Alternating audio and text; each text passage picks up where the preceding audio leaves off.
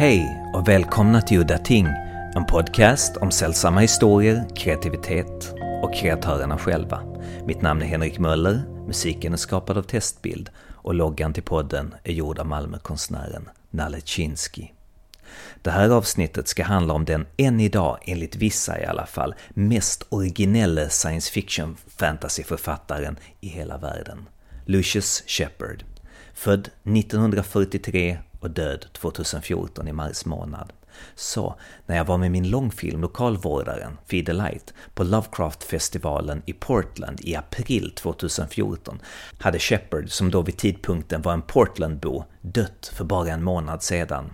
De höll ett tal till hans ära under avslutningsceremonin, men jag visste vid den tidpunkten inte vem han var. Jag skulle snart få veta. Introduktionen till Shepard gick genom ett av hans flaggskepp, novellen The Man Who Painted the Dragon Griaul. Den handlar om en stad där en drake, inte enligt legenden en av de där små drakarna, liten som en svala, nej, Grial var en av de där stora bestarna som en gång i tiden regerade världen. 6000 feet, det vill säga 1828 meter lång från nos till svans. Han ligger numera i en sorts koma eller hypnos efter en duell med en magiker. Duellen talas det väldigt lite om, vilket är en bra detalj. Man får bara acceptera att det är så här det är nu efter vad som beskrivs som en miscast spell. Men trots detta verkar det som om han ändå kontrollerar invånarna i staden, som nu växt fram över hela hans rygg som murklor på en trädstam. Det beskrivs att människorna, living under his mental shadow, Folk lever alltså ett stilla liv på drakens rygg i sin lilla stad, men ibland så öppnas hans enorma öga och folket stelnar till. En påminnelse om att han inte är helt nere för räkning. En belöning på en förmögenhet i silver till den som dödar honom har funnits i evigheter, utan att någon har lyckats. Men på våren 1853 kommer Merrick Catanay, en ung man som har en märklig idé. Han vill döda draken genom att måla den med giftig färg. Death by Art. Denna handling, att dekorera draken, kommer att tilltala dess fåfänga och avrättningen kommer att gå den förbi obemärkt. Stadens överhuvuden är egentligen inte intresserade av idén, men de tvingas ta honom på allvar eftersom han har gjort så gedigen research med massvis av ritningar över hur det hela skulle utföras. Dragon Griaul är en märklig historia, olik det mesta jag läst i genren, och det är kanske därför jag gillar den så mycket. Det och den där tryckande sorgen av förlorad tid och förlorad kärlek som är ett av Shepards starkaste kännetecken. Jag ville få en bild av denna upphovsman. Många av Shepards verk var inte fantastik utan baserat på hans egna äventyr världen över som luffare och soldat. Freight Train Riders of America bland annat baseras på hans egna erfarenheter. Det här avsnittet kommer att ha många gäster, men den första av dem är filmregissören och manusförfattaren Philip Gelat som bor i Providence, Rhode Island. Han var den som introducerade mig till Shepards verk och han delar min entusiasm inför den excentriska originella författare. I actually think my experience was very similar to yours that I I liked it and then as soon as I read um, The Dragon Griel I loved it. I feel like a lot of people come to him that way as a uh, like uh, you know it's something you somebody something somebody discovers and then they pass it on to somebody else i guess which is kind of kind of fun. What fascinated you about his work? What caught your imagination? He is obviously invested in genre so there's always a fantastical element but he he is so good at infusing uh, genuine emotion and real life observations into fantastic worlds. So i think that that was the first thing that gripped me. The first dragon real story is I think maybe the most distinctive a man tries to slay a dragon story that I've ever read. It, it's funny, like it reminds me, and I'm not sure if this was on his mind, but it reminds me vaguely of like a, an alternate version of Call of Cthulhu in a weird way, in that you have this giant monster that is dead but not dead, and its presence um, informs the minds of mortals, and he sort of he, he can arrange them and, and set them at his will and I, I, have no idea if that was on Shepard's mind at all when he wrote it. But but in rereading it and reading the story, the other stories in the collection about the dragon, that's the thing that kept coming to mind the, the similarities. Which so there's that level, but on top of that, or maybe underneath that, there's this level where it is also um, a careful observation about like art and life and obsession, and it ends with that amazing observation that that I'm gonna I'm gonna bungle the quote, but but it ends with um, this line about how the the man who tried to paint the dragon Griaul had lived his happy ending in advance or something, and that's just that's a very heartbreaking but honest observation about probably most people's lives. Like like you get your happy ending, but then your life goes on, and eventually we all die. And it's sort of it, there's a there is a human tragedy that underlies his use of genre that I think is amazing. So so there's that, and then you know, sort of more facile observations like his. I don't know if you've read many of them, but his stories set in what I guess I can only call a fantasy version of Vietnam in Central America. These Salvador stories, R and R, and I think there's a couple in the best of. Sometimes you read stories that feel, and this sounds like a like an insult, but it's not meant to be. They feel so obvious that you're shocked you haven't read them before. So so those struck me that way. That that you that there was a science fiction version of Vietnam where all of the all of the soldiers were on crazy hallucinogenic drugs and it had been transposed to Central America. Maybe it doesn't sound like an obvious idea when I'm saying it this way, but as I was reading it, I was like, oh, this feels like something I should have read before, but I had never read before. I don't know what genre. I mean, you can, you, I think you almost have to call it fantasy, but it, it's definitely not high fantasy. I don't think. There's quite a number of Griaul stories, and I don't think I've read them all.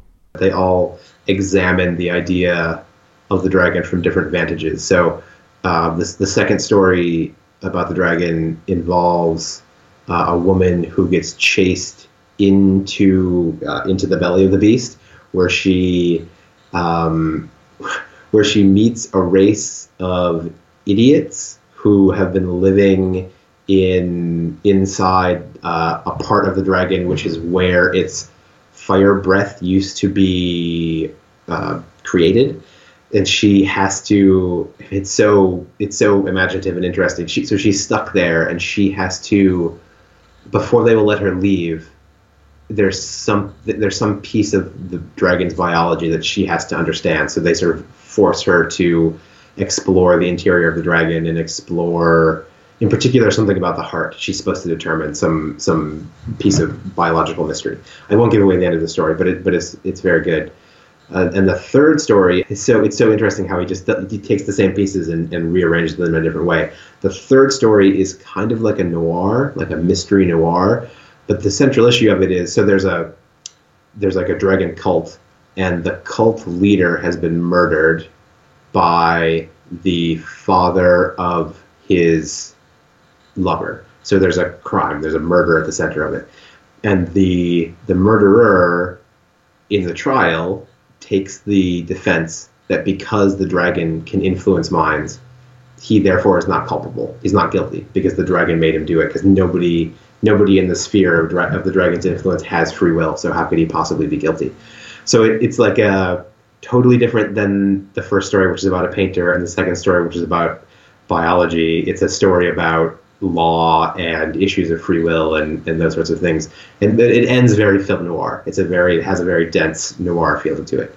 Um, and there are two others. I'm trying to I'm trying to recall. The one after that is about uh, is it actually so then then you can you can determine a chronology. So there's the um, the second story takes place before the dragon has been painted, as does the third story. Uh, but the fourth story takes place after the dragon has been painted, so everybody assumes that the dragon is dead. Um, and there is like a cottage industry of people selling scales and pieces of it. and that story um, involves uh, an antique dealer who um, finds a scale and uh, if there's some gets transported and sort of meets the younger dragon Griaul, but then comes back to the the the philosophic nature of that one's a little bit hard to determine, but it, it's a it's still a it's a ripping yarn, um, and I, I, can't give away the ending because you kind of have to read it, but it's it's very good.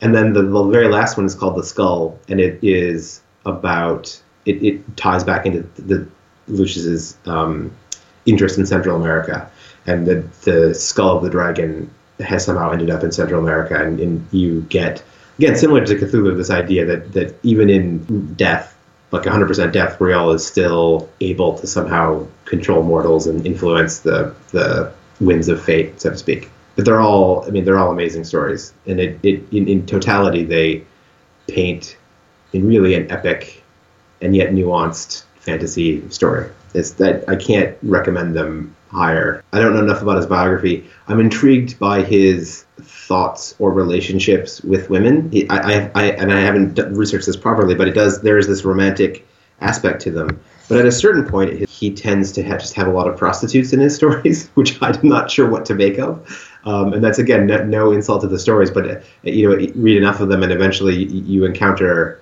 uh, a lot of prostitution. Shepard was, as far as I know, extremely unpretentious and outspokenly said that he detested fantasy fiction and its fandom. And as and as we will get into this later in this episode when we talk more about Lucius Shepard, the person behind the work, but he was later tired by the Dragon Griaul franchise that publishers kept coming back to and pushing him towards writing more Dragon Griaul stories. In finding people who knew Lucius, there were quite some people that did not want to speak because as great an artist as Lucius was, apparently he was very flawed socially, and he apparently caused some people a lot of pain. He was, as Philip said, seriously opinionated and outspoken about what he disliked. Um, I don't think you can sense the contemptuousness, but if you but if you read the and, and maybe you probably have in the in the back of the book that's just called the Dragon Griaul that has all the stories together. There are author notes, and in those author notes, the, the author notes have very little to do with the stories, and you can sense a kind of reticence to to acknowledge the fact that he's written fantasy. So he he sort of talks about what was going on in his life.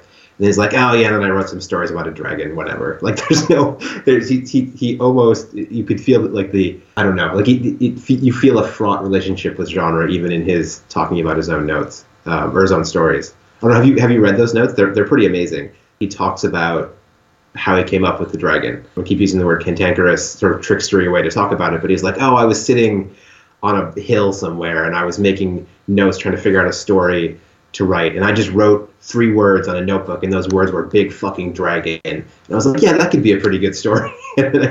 Which is for a story that's so carefully observed and so interesting that he would reduce its origin, origin or um, starting point to just you know, two words and an expletive is pretty is pretty funny to me.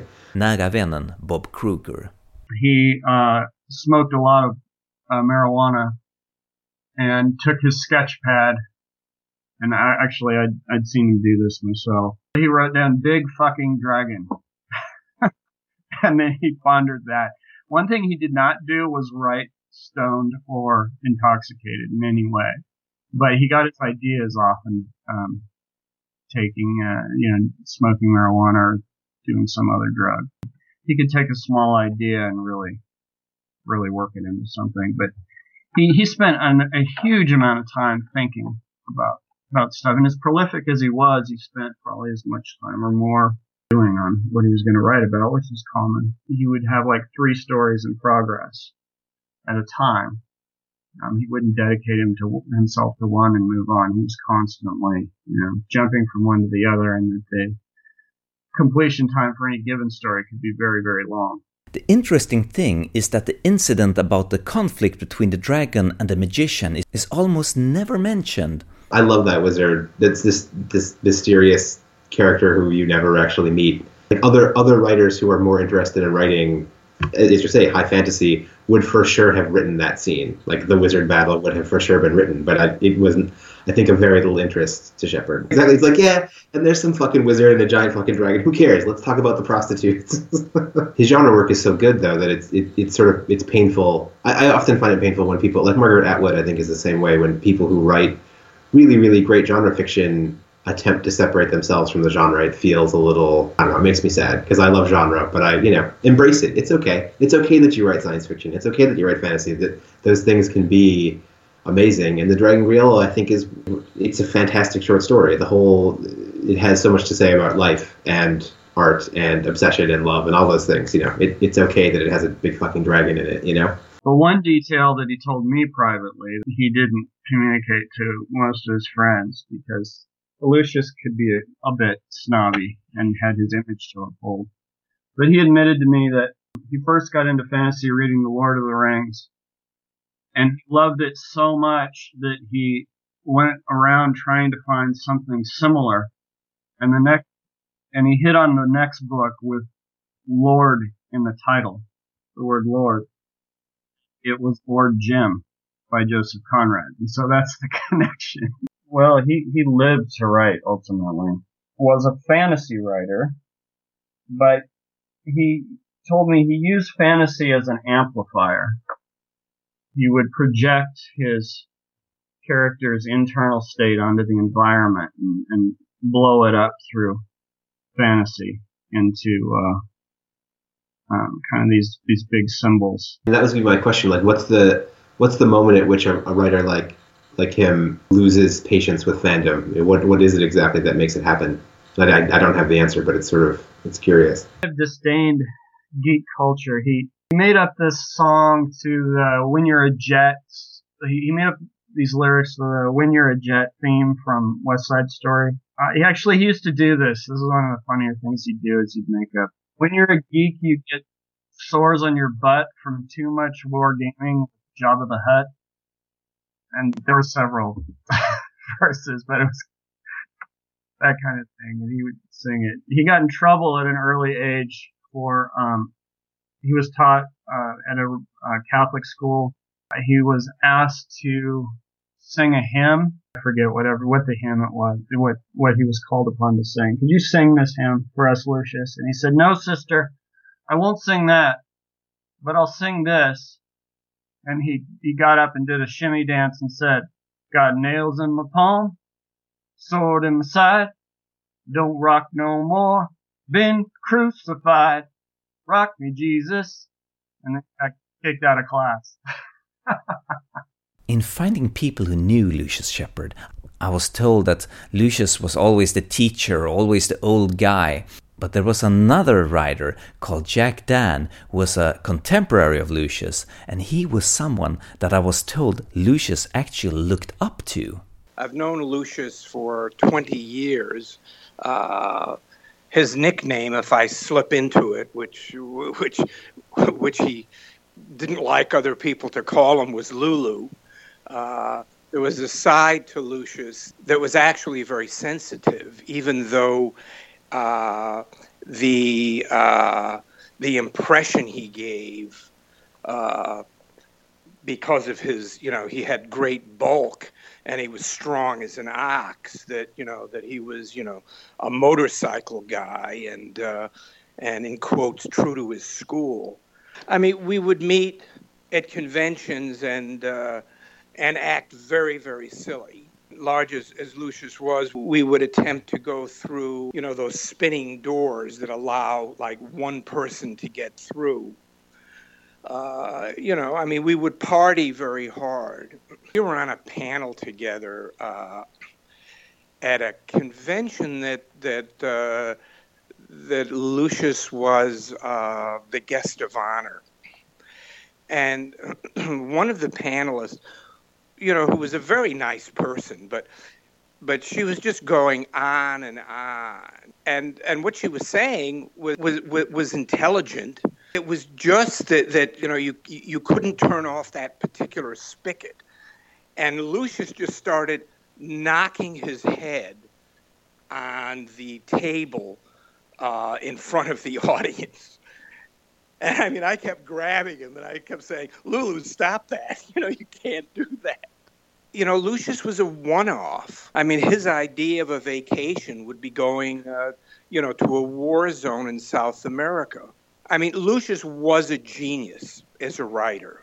I mean, he would call me up at three o'clock in the morning and say, uh, "How do you spell, uh, you know, you know, frisson or something like that. And I would say, Lucius, it's three o'clock in the effing morning.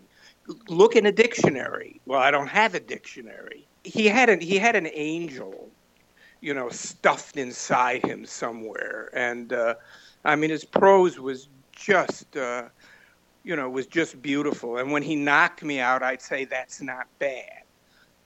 And for Lucius, you know, that was that was like that was high praise. I mean, he was family.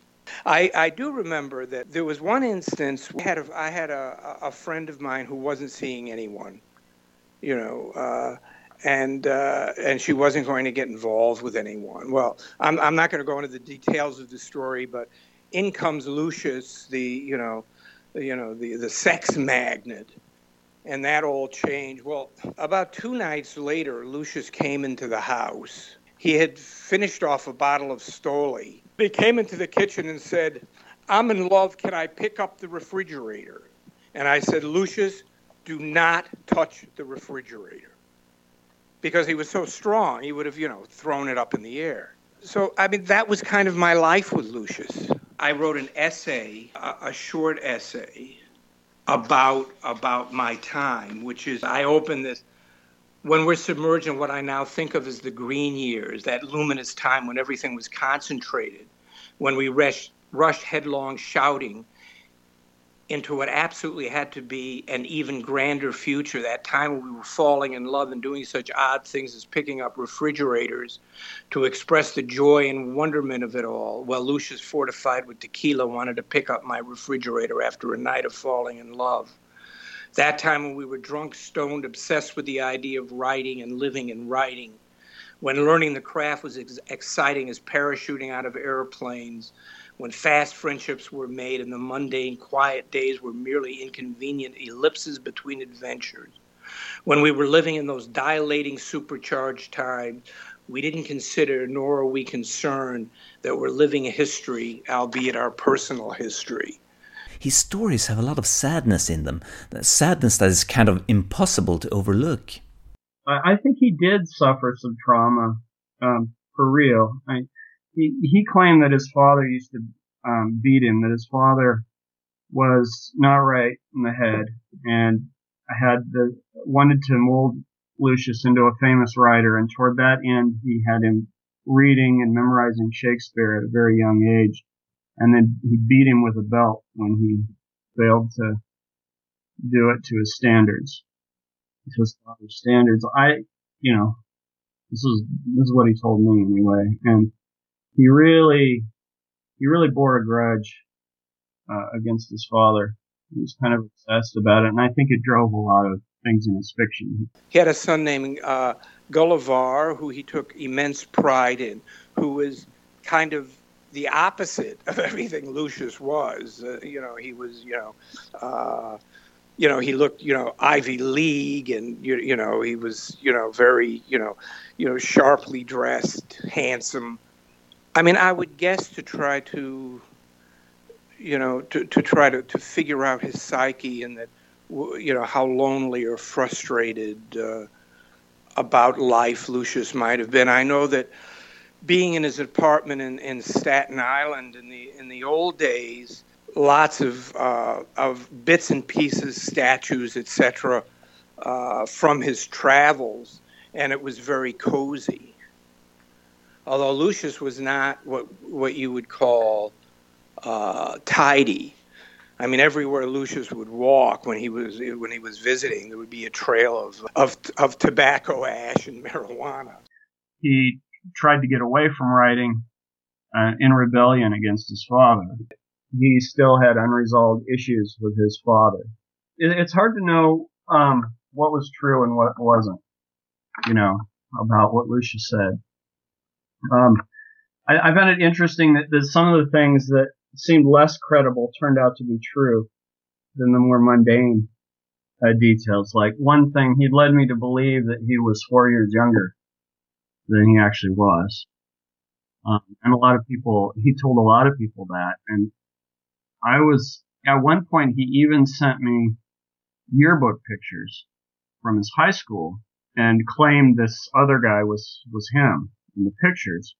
Right after he died, I went back through because Ellen Datlow insisted to me that no, he was older than he said he was. And um, I felt really stupid and I went back and I looked and I actually uh, found the picture of him and it was unmistakably him. I used to call Lucius my mentor and tormentor. He used to call me work all the time, sometimes two or three times a day. I'm lucky I never got in trouble. I think mostly he just wanted to hear himself read and have a sounding board because he rarely took my feedback. Although every once in a while I'd say, "Well, you could do this," and he'd say, "He said, what the hell do you know?" He'd, and he slammed the phone. And then an hour later, I'd get a call and he goes, "Okay, well, how about this?" And then he'd he'd reread it to me and he'd changed it according to my criticism. So You did go with him on some of his adventures. he invited me on this road trip. He had money thanks to a contract with Spin magazine. I forget whether he pitched the idea to them or somehow he had through channels he got in touch with the their editor, but they commissioned him to do a piece on killer hobos. We attended a uh, meeting of uh, railway riders on New Year's Day. There's a, a fan community of hobos. I'm not sure if hobo is a politically correct term, but you, it's people who ride the rails. They kind of run the gamut from just uh, young people on adventure to uh, old veterans of the rails who are truly homeless and pretty sophisticated about moving around to stay in mild mild climate and you know get opportunities for shelter and occasional work. And then there's a large community of people outside that know some of these rail riders. It's kind of like the science fiction community with uh, fans with their amateur publications and network of enthusiasts. And uh, I guess it goes back to mimeograph, uh, amateur press. Now there's websites apparently dedicated to uh, hobo fandom. So we got to meet a lot of people and interview them in the desert outside Gila Bend, Arizona. But getting down there was just a crazy trip. Did he tell you some of the stories from his travels and adventures? Oh yeah, he told me a lot of stories from his travels. Some of them were fantastic, and and I have no way of knowing whether they were true. But I guess that's not really so important, is it? Uh, he told me once about getting drunk and stumbling out into the desert and waking up in the morning using a skull, like what, like a cow skull maybe, as a pillow, and then having to fight off feral dogs. Now, whether this was true, I don't know, but he did a good job of painting the scene and the situation. He, he told me about a bar fight down there once where um, he faced off with this guy, and Lucius was not a fighter for all his his strength and bluster. He really hadn't been in too many fights, but the guy just happened to be, uh, by Lucius's account, a little off center. Lucius brought his knee up reflexively as he came in and he knocked the guy out with his knee, surely on accident. I don't know if that's true. He claimed to have worked for a moneylender in Egypt. Or was it Morocco? He had a girlfriend at the time that he said was this uh, Greek woman that rivaled he- Helen of Troy. I don't know about that. Maybe. He had a lot of stories of, of Central America and he, his first really big novel, Life During Wartime, was set in there. Kind of a life during wartime is uh, it's it's a very gritty about war, and it was something that I mean it was something that Lucius knew something about because he, you know, he spent time being involved in it. You know, I bought a story f- from Lucius called "In the Field of Fire," which was a book about uh, the the Vietnam. Uh, experience. The stuff just knocked me out. I mean, it opens.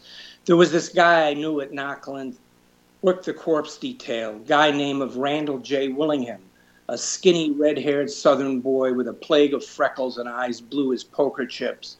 And sometimes when he got high, he'd wander up to the operations bunker and start spouting all kinds of shit all over the radio tell, talk, telling about his hometown and his dog, his opinion of the war, he was against it, and what it was like making love to his, and it goes on. The, the most humorous memories I have are just talking to him on the phone and just the things he would say. Um, you know, like he would read me something and he would, he would, uh, one thing he'd, he'd say, what do you think of that? And I'd say, yeah, that's, that's really good. And he'd say, yep, I am like unto a god. Kind of believed it.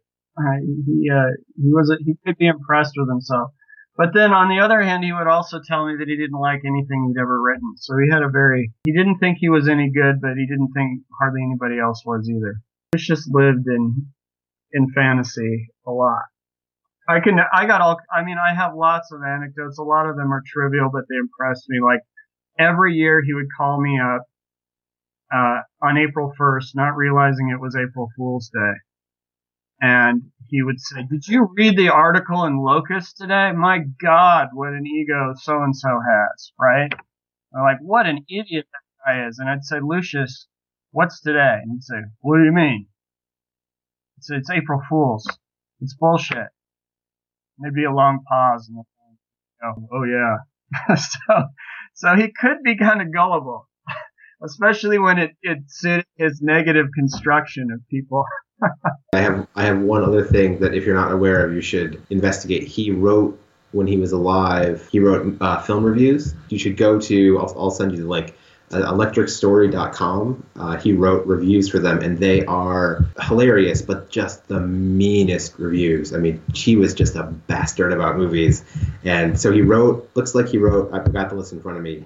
He wrote from the movie Gladiator up until the last reviews he wrote were for Monsters and Skyline. So there's there are quite a few reviews. He has a great abiding hatred of Steven Spielberg, which is pretty funny. He wrote he wrote he wrote a review of AI before he had seen it, basically just calling it a, a horrible Spielbergian piece of shit, and then wrote a review after having seen it that's basically just like, "Yep, I was right. It was it was it was terrible." But then uh, occasionally he he he, he balances his disdain for, for big budget American filmmaking. Uh, he tries to recommend actually specifically horror movies, smaller horror movies that he's seen and, and liked. So if you if you make your way through the reviews, I, I encountered the names of a few movies I had never heard of that he recommended. So I'm gonna I'm gonna seek them out. And we when we saw movies together. He, he, like I said, he needed a ride. So saw hundreds of movies together. Most of the movies that he reviewed, and then a lot that he didn't. He usually didn't like big budget movies, and the more popular a movie, the, the less likely he was going to like it.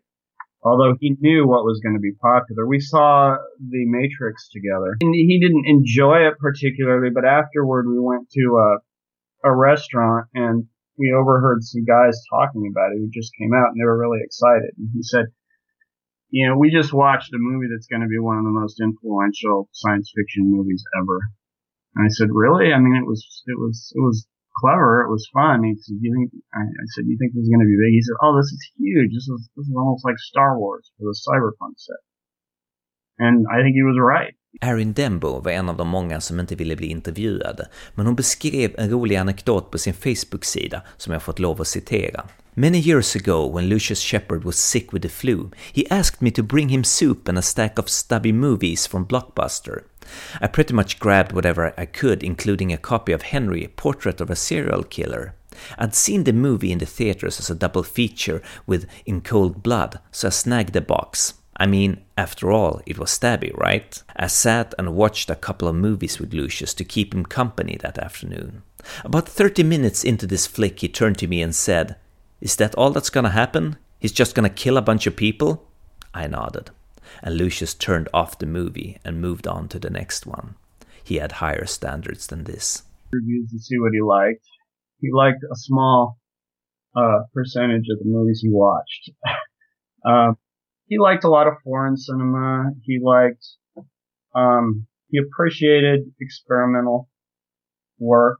Um, one movie he liked a few movies that I just I, I just couldn't watch, like Dancer in the Dark. He raved about about that movie. Um, you know, with uh, Bjork and you know, but he wasn't. I think he had a reputation as being a snob, and he could certainly be snobbish, but he liked popular movies too. Like at Thanksgiving every year, we watch Planes, Trains, and Automobiles. He loved that movie. Um, he didn't like all John Hughes' movies, but he really liked that one. Was mostly an art house guy, but um, as far as comedies go, I, I think he held most of them in disdain. I think he he liked uh, Bridget Jones's Diary, as I remember. It was hard to predict what he'd like. The other thing about Lucius is, even though I talk to him all the time, after you talk to somebody long enough, you kind of get a feel for their repertoire of replies. You know, people have their kind of cliched expressions or whatever. But with Lucius, you hardly ever knew what he was going to say next. You knew that it was going to be acerbic and um, and funny. He he was actually very funny. Ask him because he laughed at his own jokes a lot. When I've heard him speak, he sounds very folksy and down to earth in a way that his fiction is not. He could be very folksy, but he also uh, could speak you know, effortlessly with really a rich diction. This is an interesting thing is that when he had his stroke and he became aphasic, a lot of the words that are normally accessible to people became inaccessible to him. It was kind of a struggle because his speech had degraded so badly. It was really tragic in those last few months. Uh, the speech therapist told Lucius, she said, you know, it's okay if you say that this process is hard. You can use the word hard. You don't have to use the word arduous. but he actually didn't have access to, hard, you know?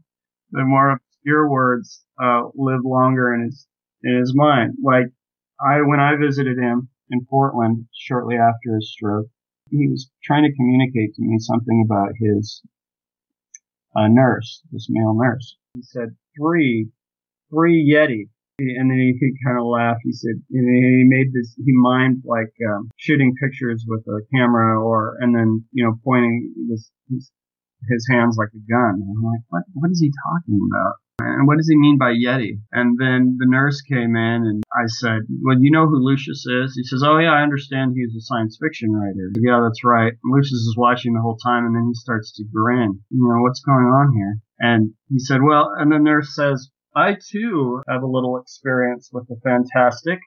My life skirts the border of science fiction and reality because I am a Bigfoot hunter. And Lucius really grins. He said, he said, just, just last fall I was down around Mount Shasta at night with night gear and I saw three cone heads. He was trying to hold back his, his amusement. And so, okay, Yeti, he, he no longer had the common name Bigfoot you know, that was no longer accessible to him. But he'd spent enough time in the in the East that he still had Yeti. Do you have a favorite story? I'll always like Night of White Bhairab just because it was the first one I, re- I read. Yeah, the, the chimney is the focus for this evil spirit. Um, and, uh, I, a rich, um, collector in India has it shipped over to his place and then the ghost starts causing havoc and ultimately possesses the girlfriend of the main character who's an expatriate. Lucius often had a stand-in in his stories for himself. Of his novels, um, I really like Green Eyes. It's a really strange zombie story. It's about voodoo as a kind of technology, uh, the powers of another dimension that opens up, and one of the manifestations is, uh, you know, the ability to resurrect the dead, although it's really more of a science fiction story than a than a, a, a horror story or fantasy story because there these starts with this research facility where they've they've found out how to use bacteria and certain voodoo recipes to bring um, bring people back, and their eyes glow green in the dark. These zombies, but they're not mindless zombies, and sometimes they're actually um, augmented, and they um, they seem to have strange memories and you know possessed by some other entity. You know, they're not who they think they are, or at least not completely. So this this one zombie manages to get away from this research facility. They have a shortened lifespan. Some of them burn out faster than others, but they all burn out within a relatively short time, like you know weeks or months. And the main character zombie ends up at this uh, decadent bayou plantation, old plantation in the swamp, where he crosses over into another dimension, and the uh, the the secret science fiction aspect of voodoo is revealed. It's it's a strange story, but it's really it's really held up by a huge amount of imagination, beautiful scene setting. And now, Phil Gelatt will read the beginning of the first Dragon Griaul story. The man who painted the Dragon Griaul.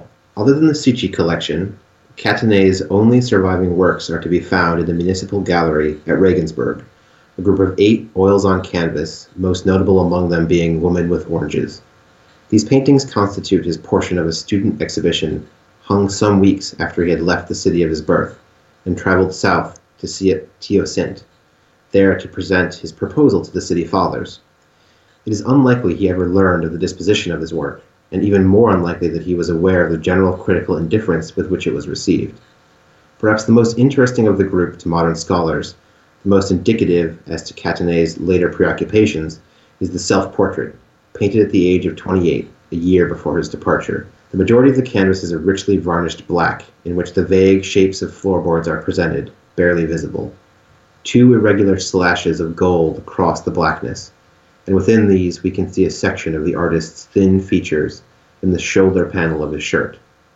The perspective given is that we are looking down at the artist, perhaps through a tear in the roof, and that he is looking up at us, squinting into the light, his mouth distorted by a grimace born of intense concentration. On first viewing the painting, I was struck by the atmosphere of tension that radiated from it. It seemed I was spying upon a man imprisoned within a shadow, having two golden bars, tormented by the possibilities of light beyond the walls. And though this may be the reaction of the art historian, not the less knowledgeable and therefore more trustworthy response of the gallery goer, it also seemed that this imprisonment was self imposed, that he could have easily escaped his confine but that he had realized a feeling of stricture was an essential fuel to his ambition, and so had chained himself to this arduous and thoroughly unreasonable chore of perception. From Meric Cattanay, The Politics of Conception by Reed Holland, PhD. And from there, it goes. That was quite something, huh? A very strange beginning to a story about a man who's going to kill a dragon. It, it's a, in you know, it, the, the story does this amazing thing where it, it, it's structured such that it has, I think, maybe two or three interstitial moments that are excerpts from works written by characters in the story after the events of the story. So that is an art historian looking at paintings by the man who would go on to paint the dragon. The observations in there are all obviously foreshadowing. But if you didn't know that story was going to have a dragon and you didn't know it was going to have a wizard, you would you would not. There's no indication in that in that opening piece, which I, now saying that is a good way to think about what's distinctive about Lucius Shepard's work is that it is fantasy, but excerpts of it are so humanistic that you wouldn't you know you wouldn't realize that there were dragons about to about to be there. Ja, och det var allt för den här gången. Mitt namn var er Henrik Möller. Musiken är er skapad av Testbild. Hej då!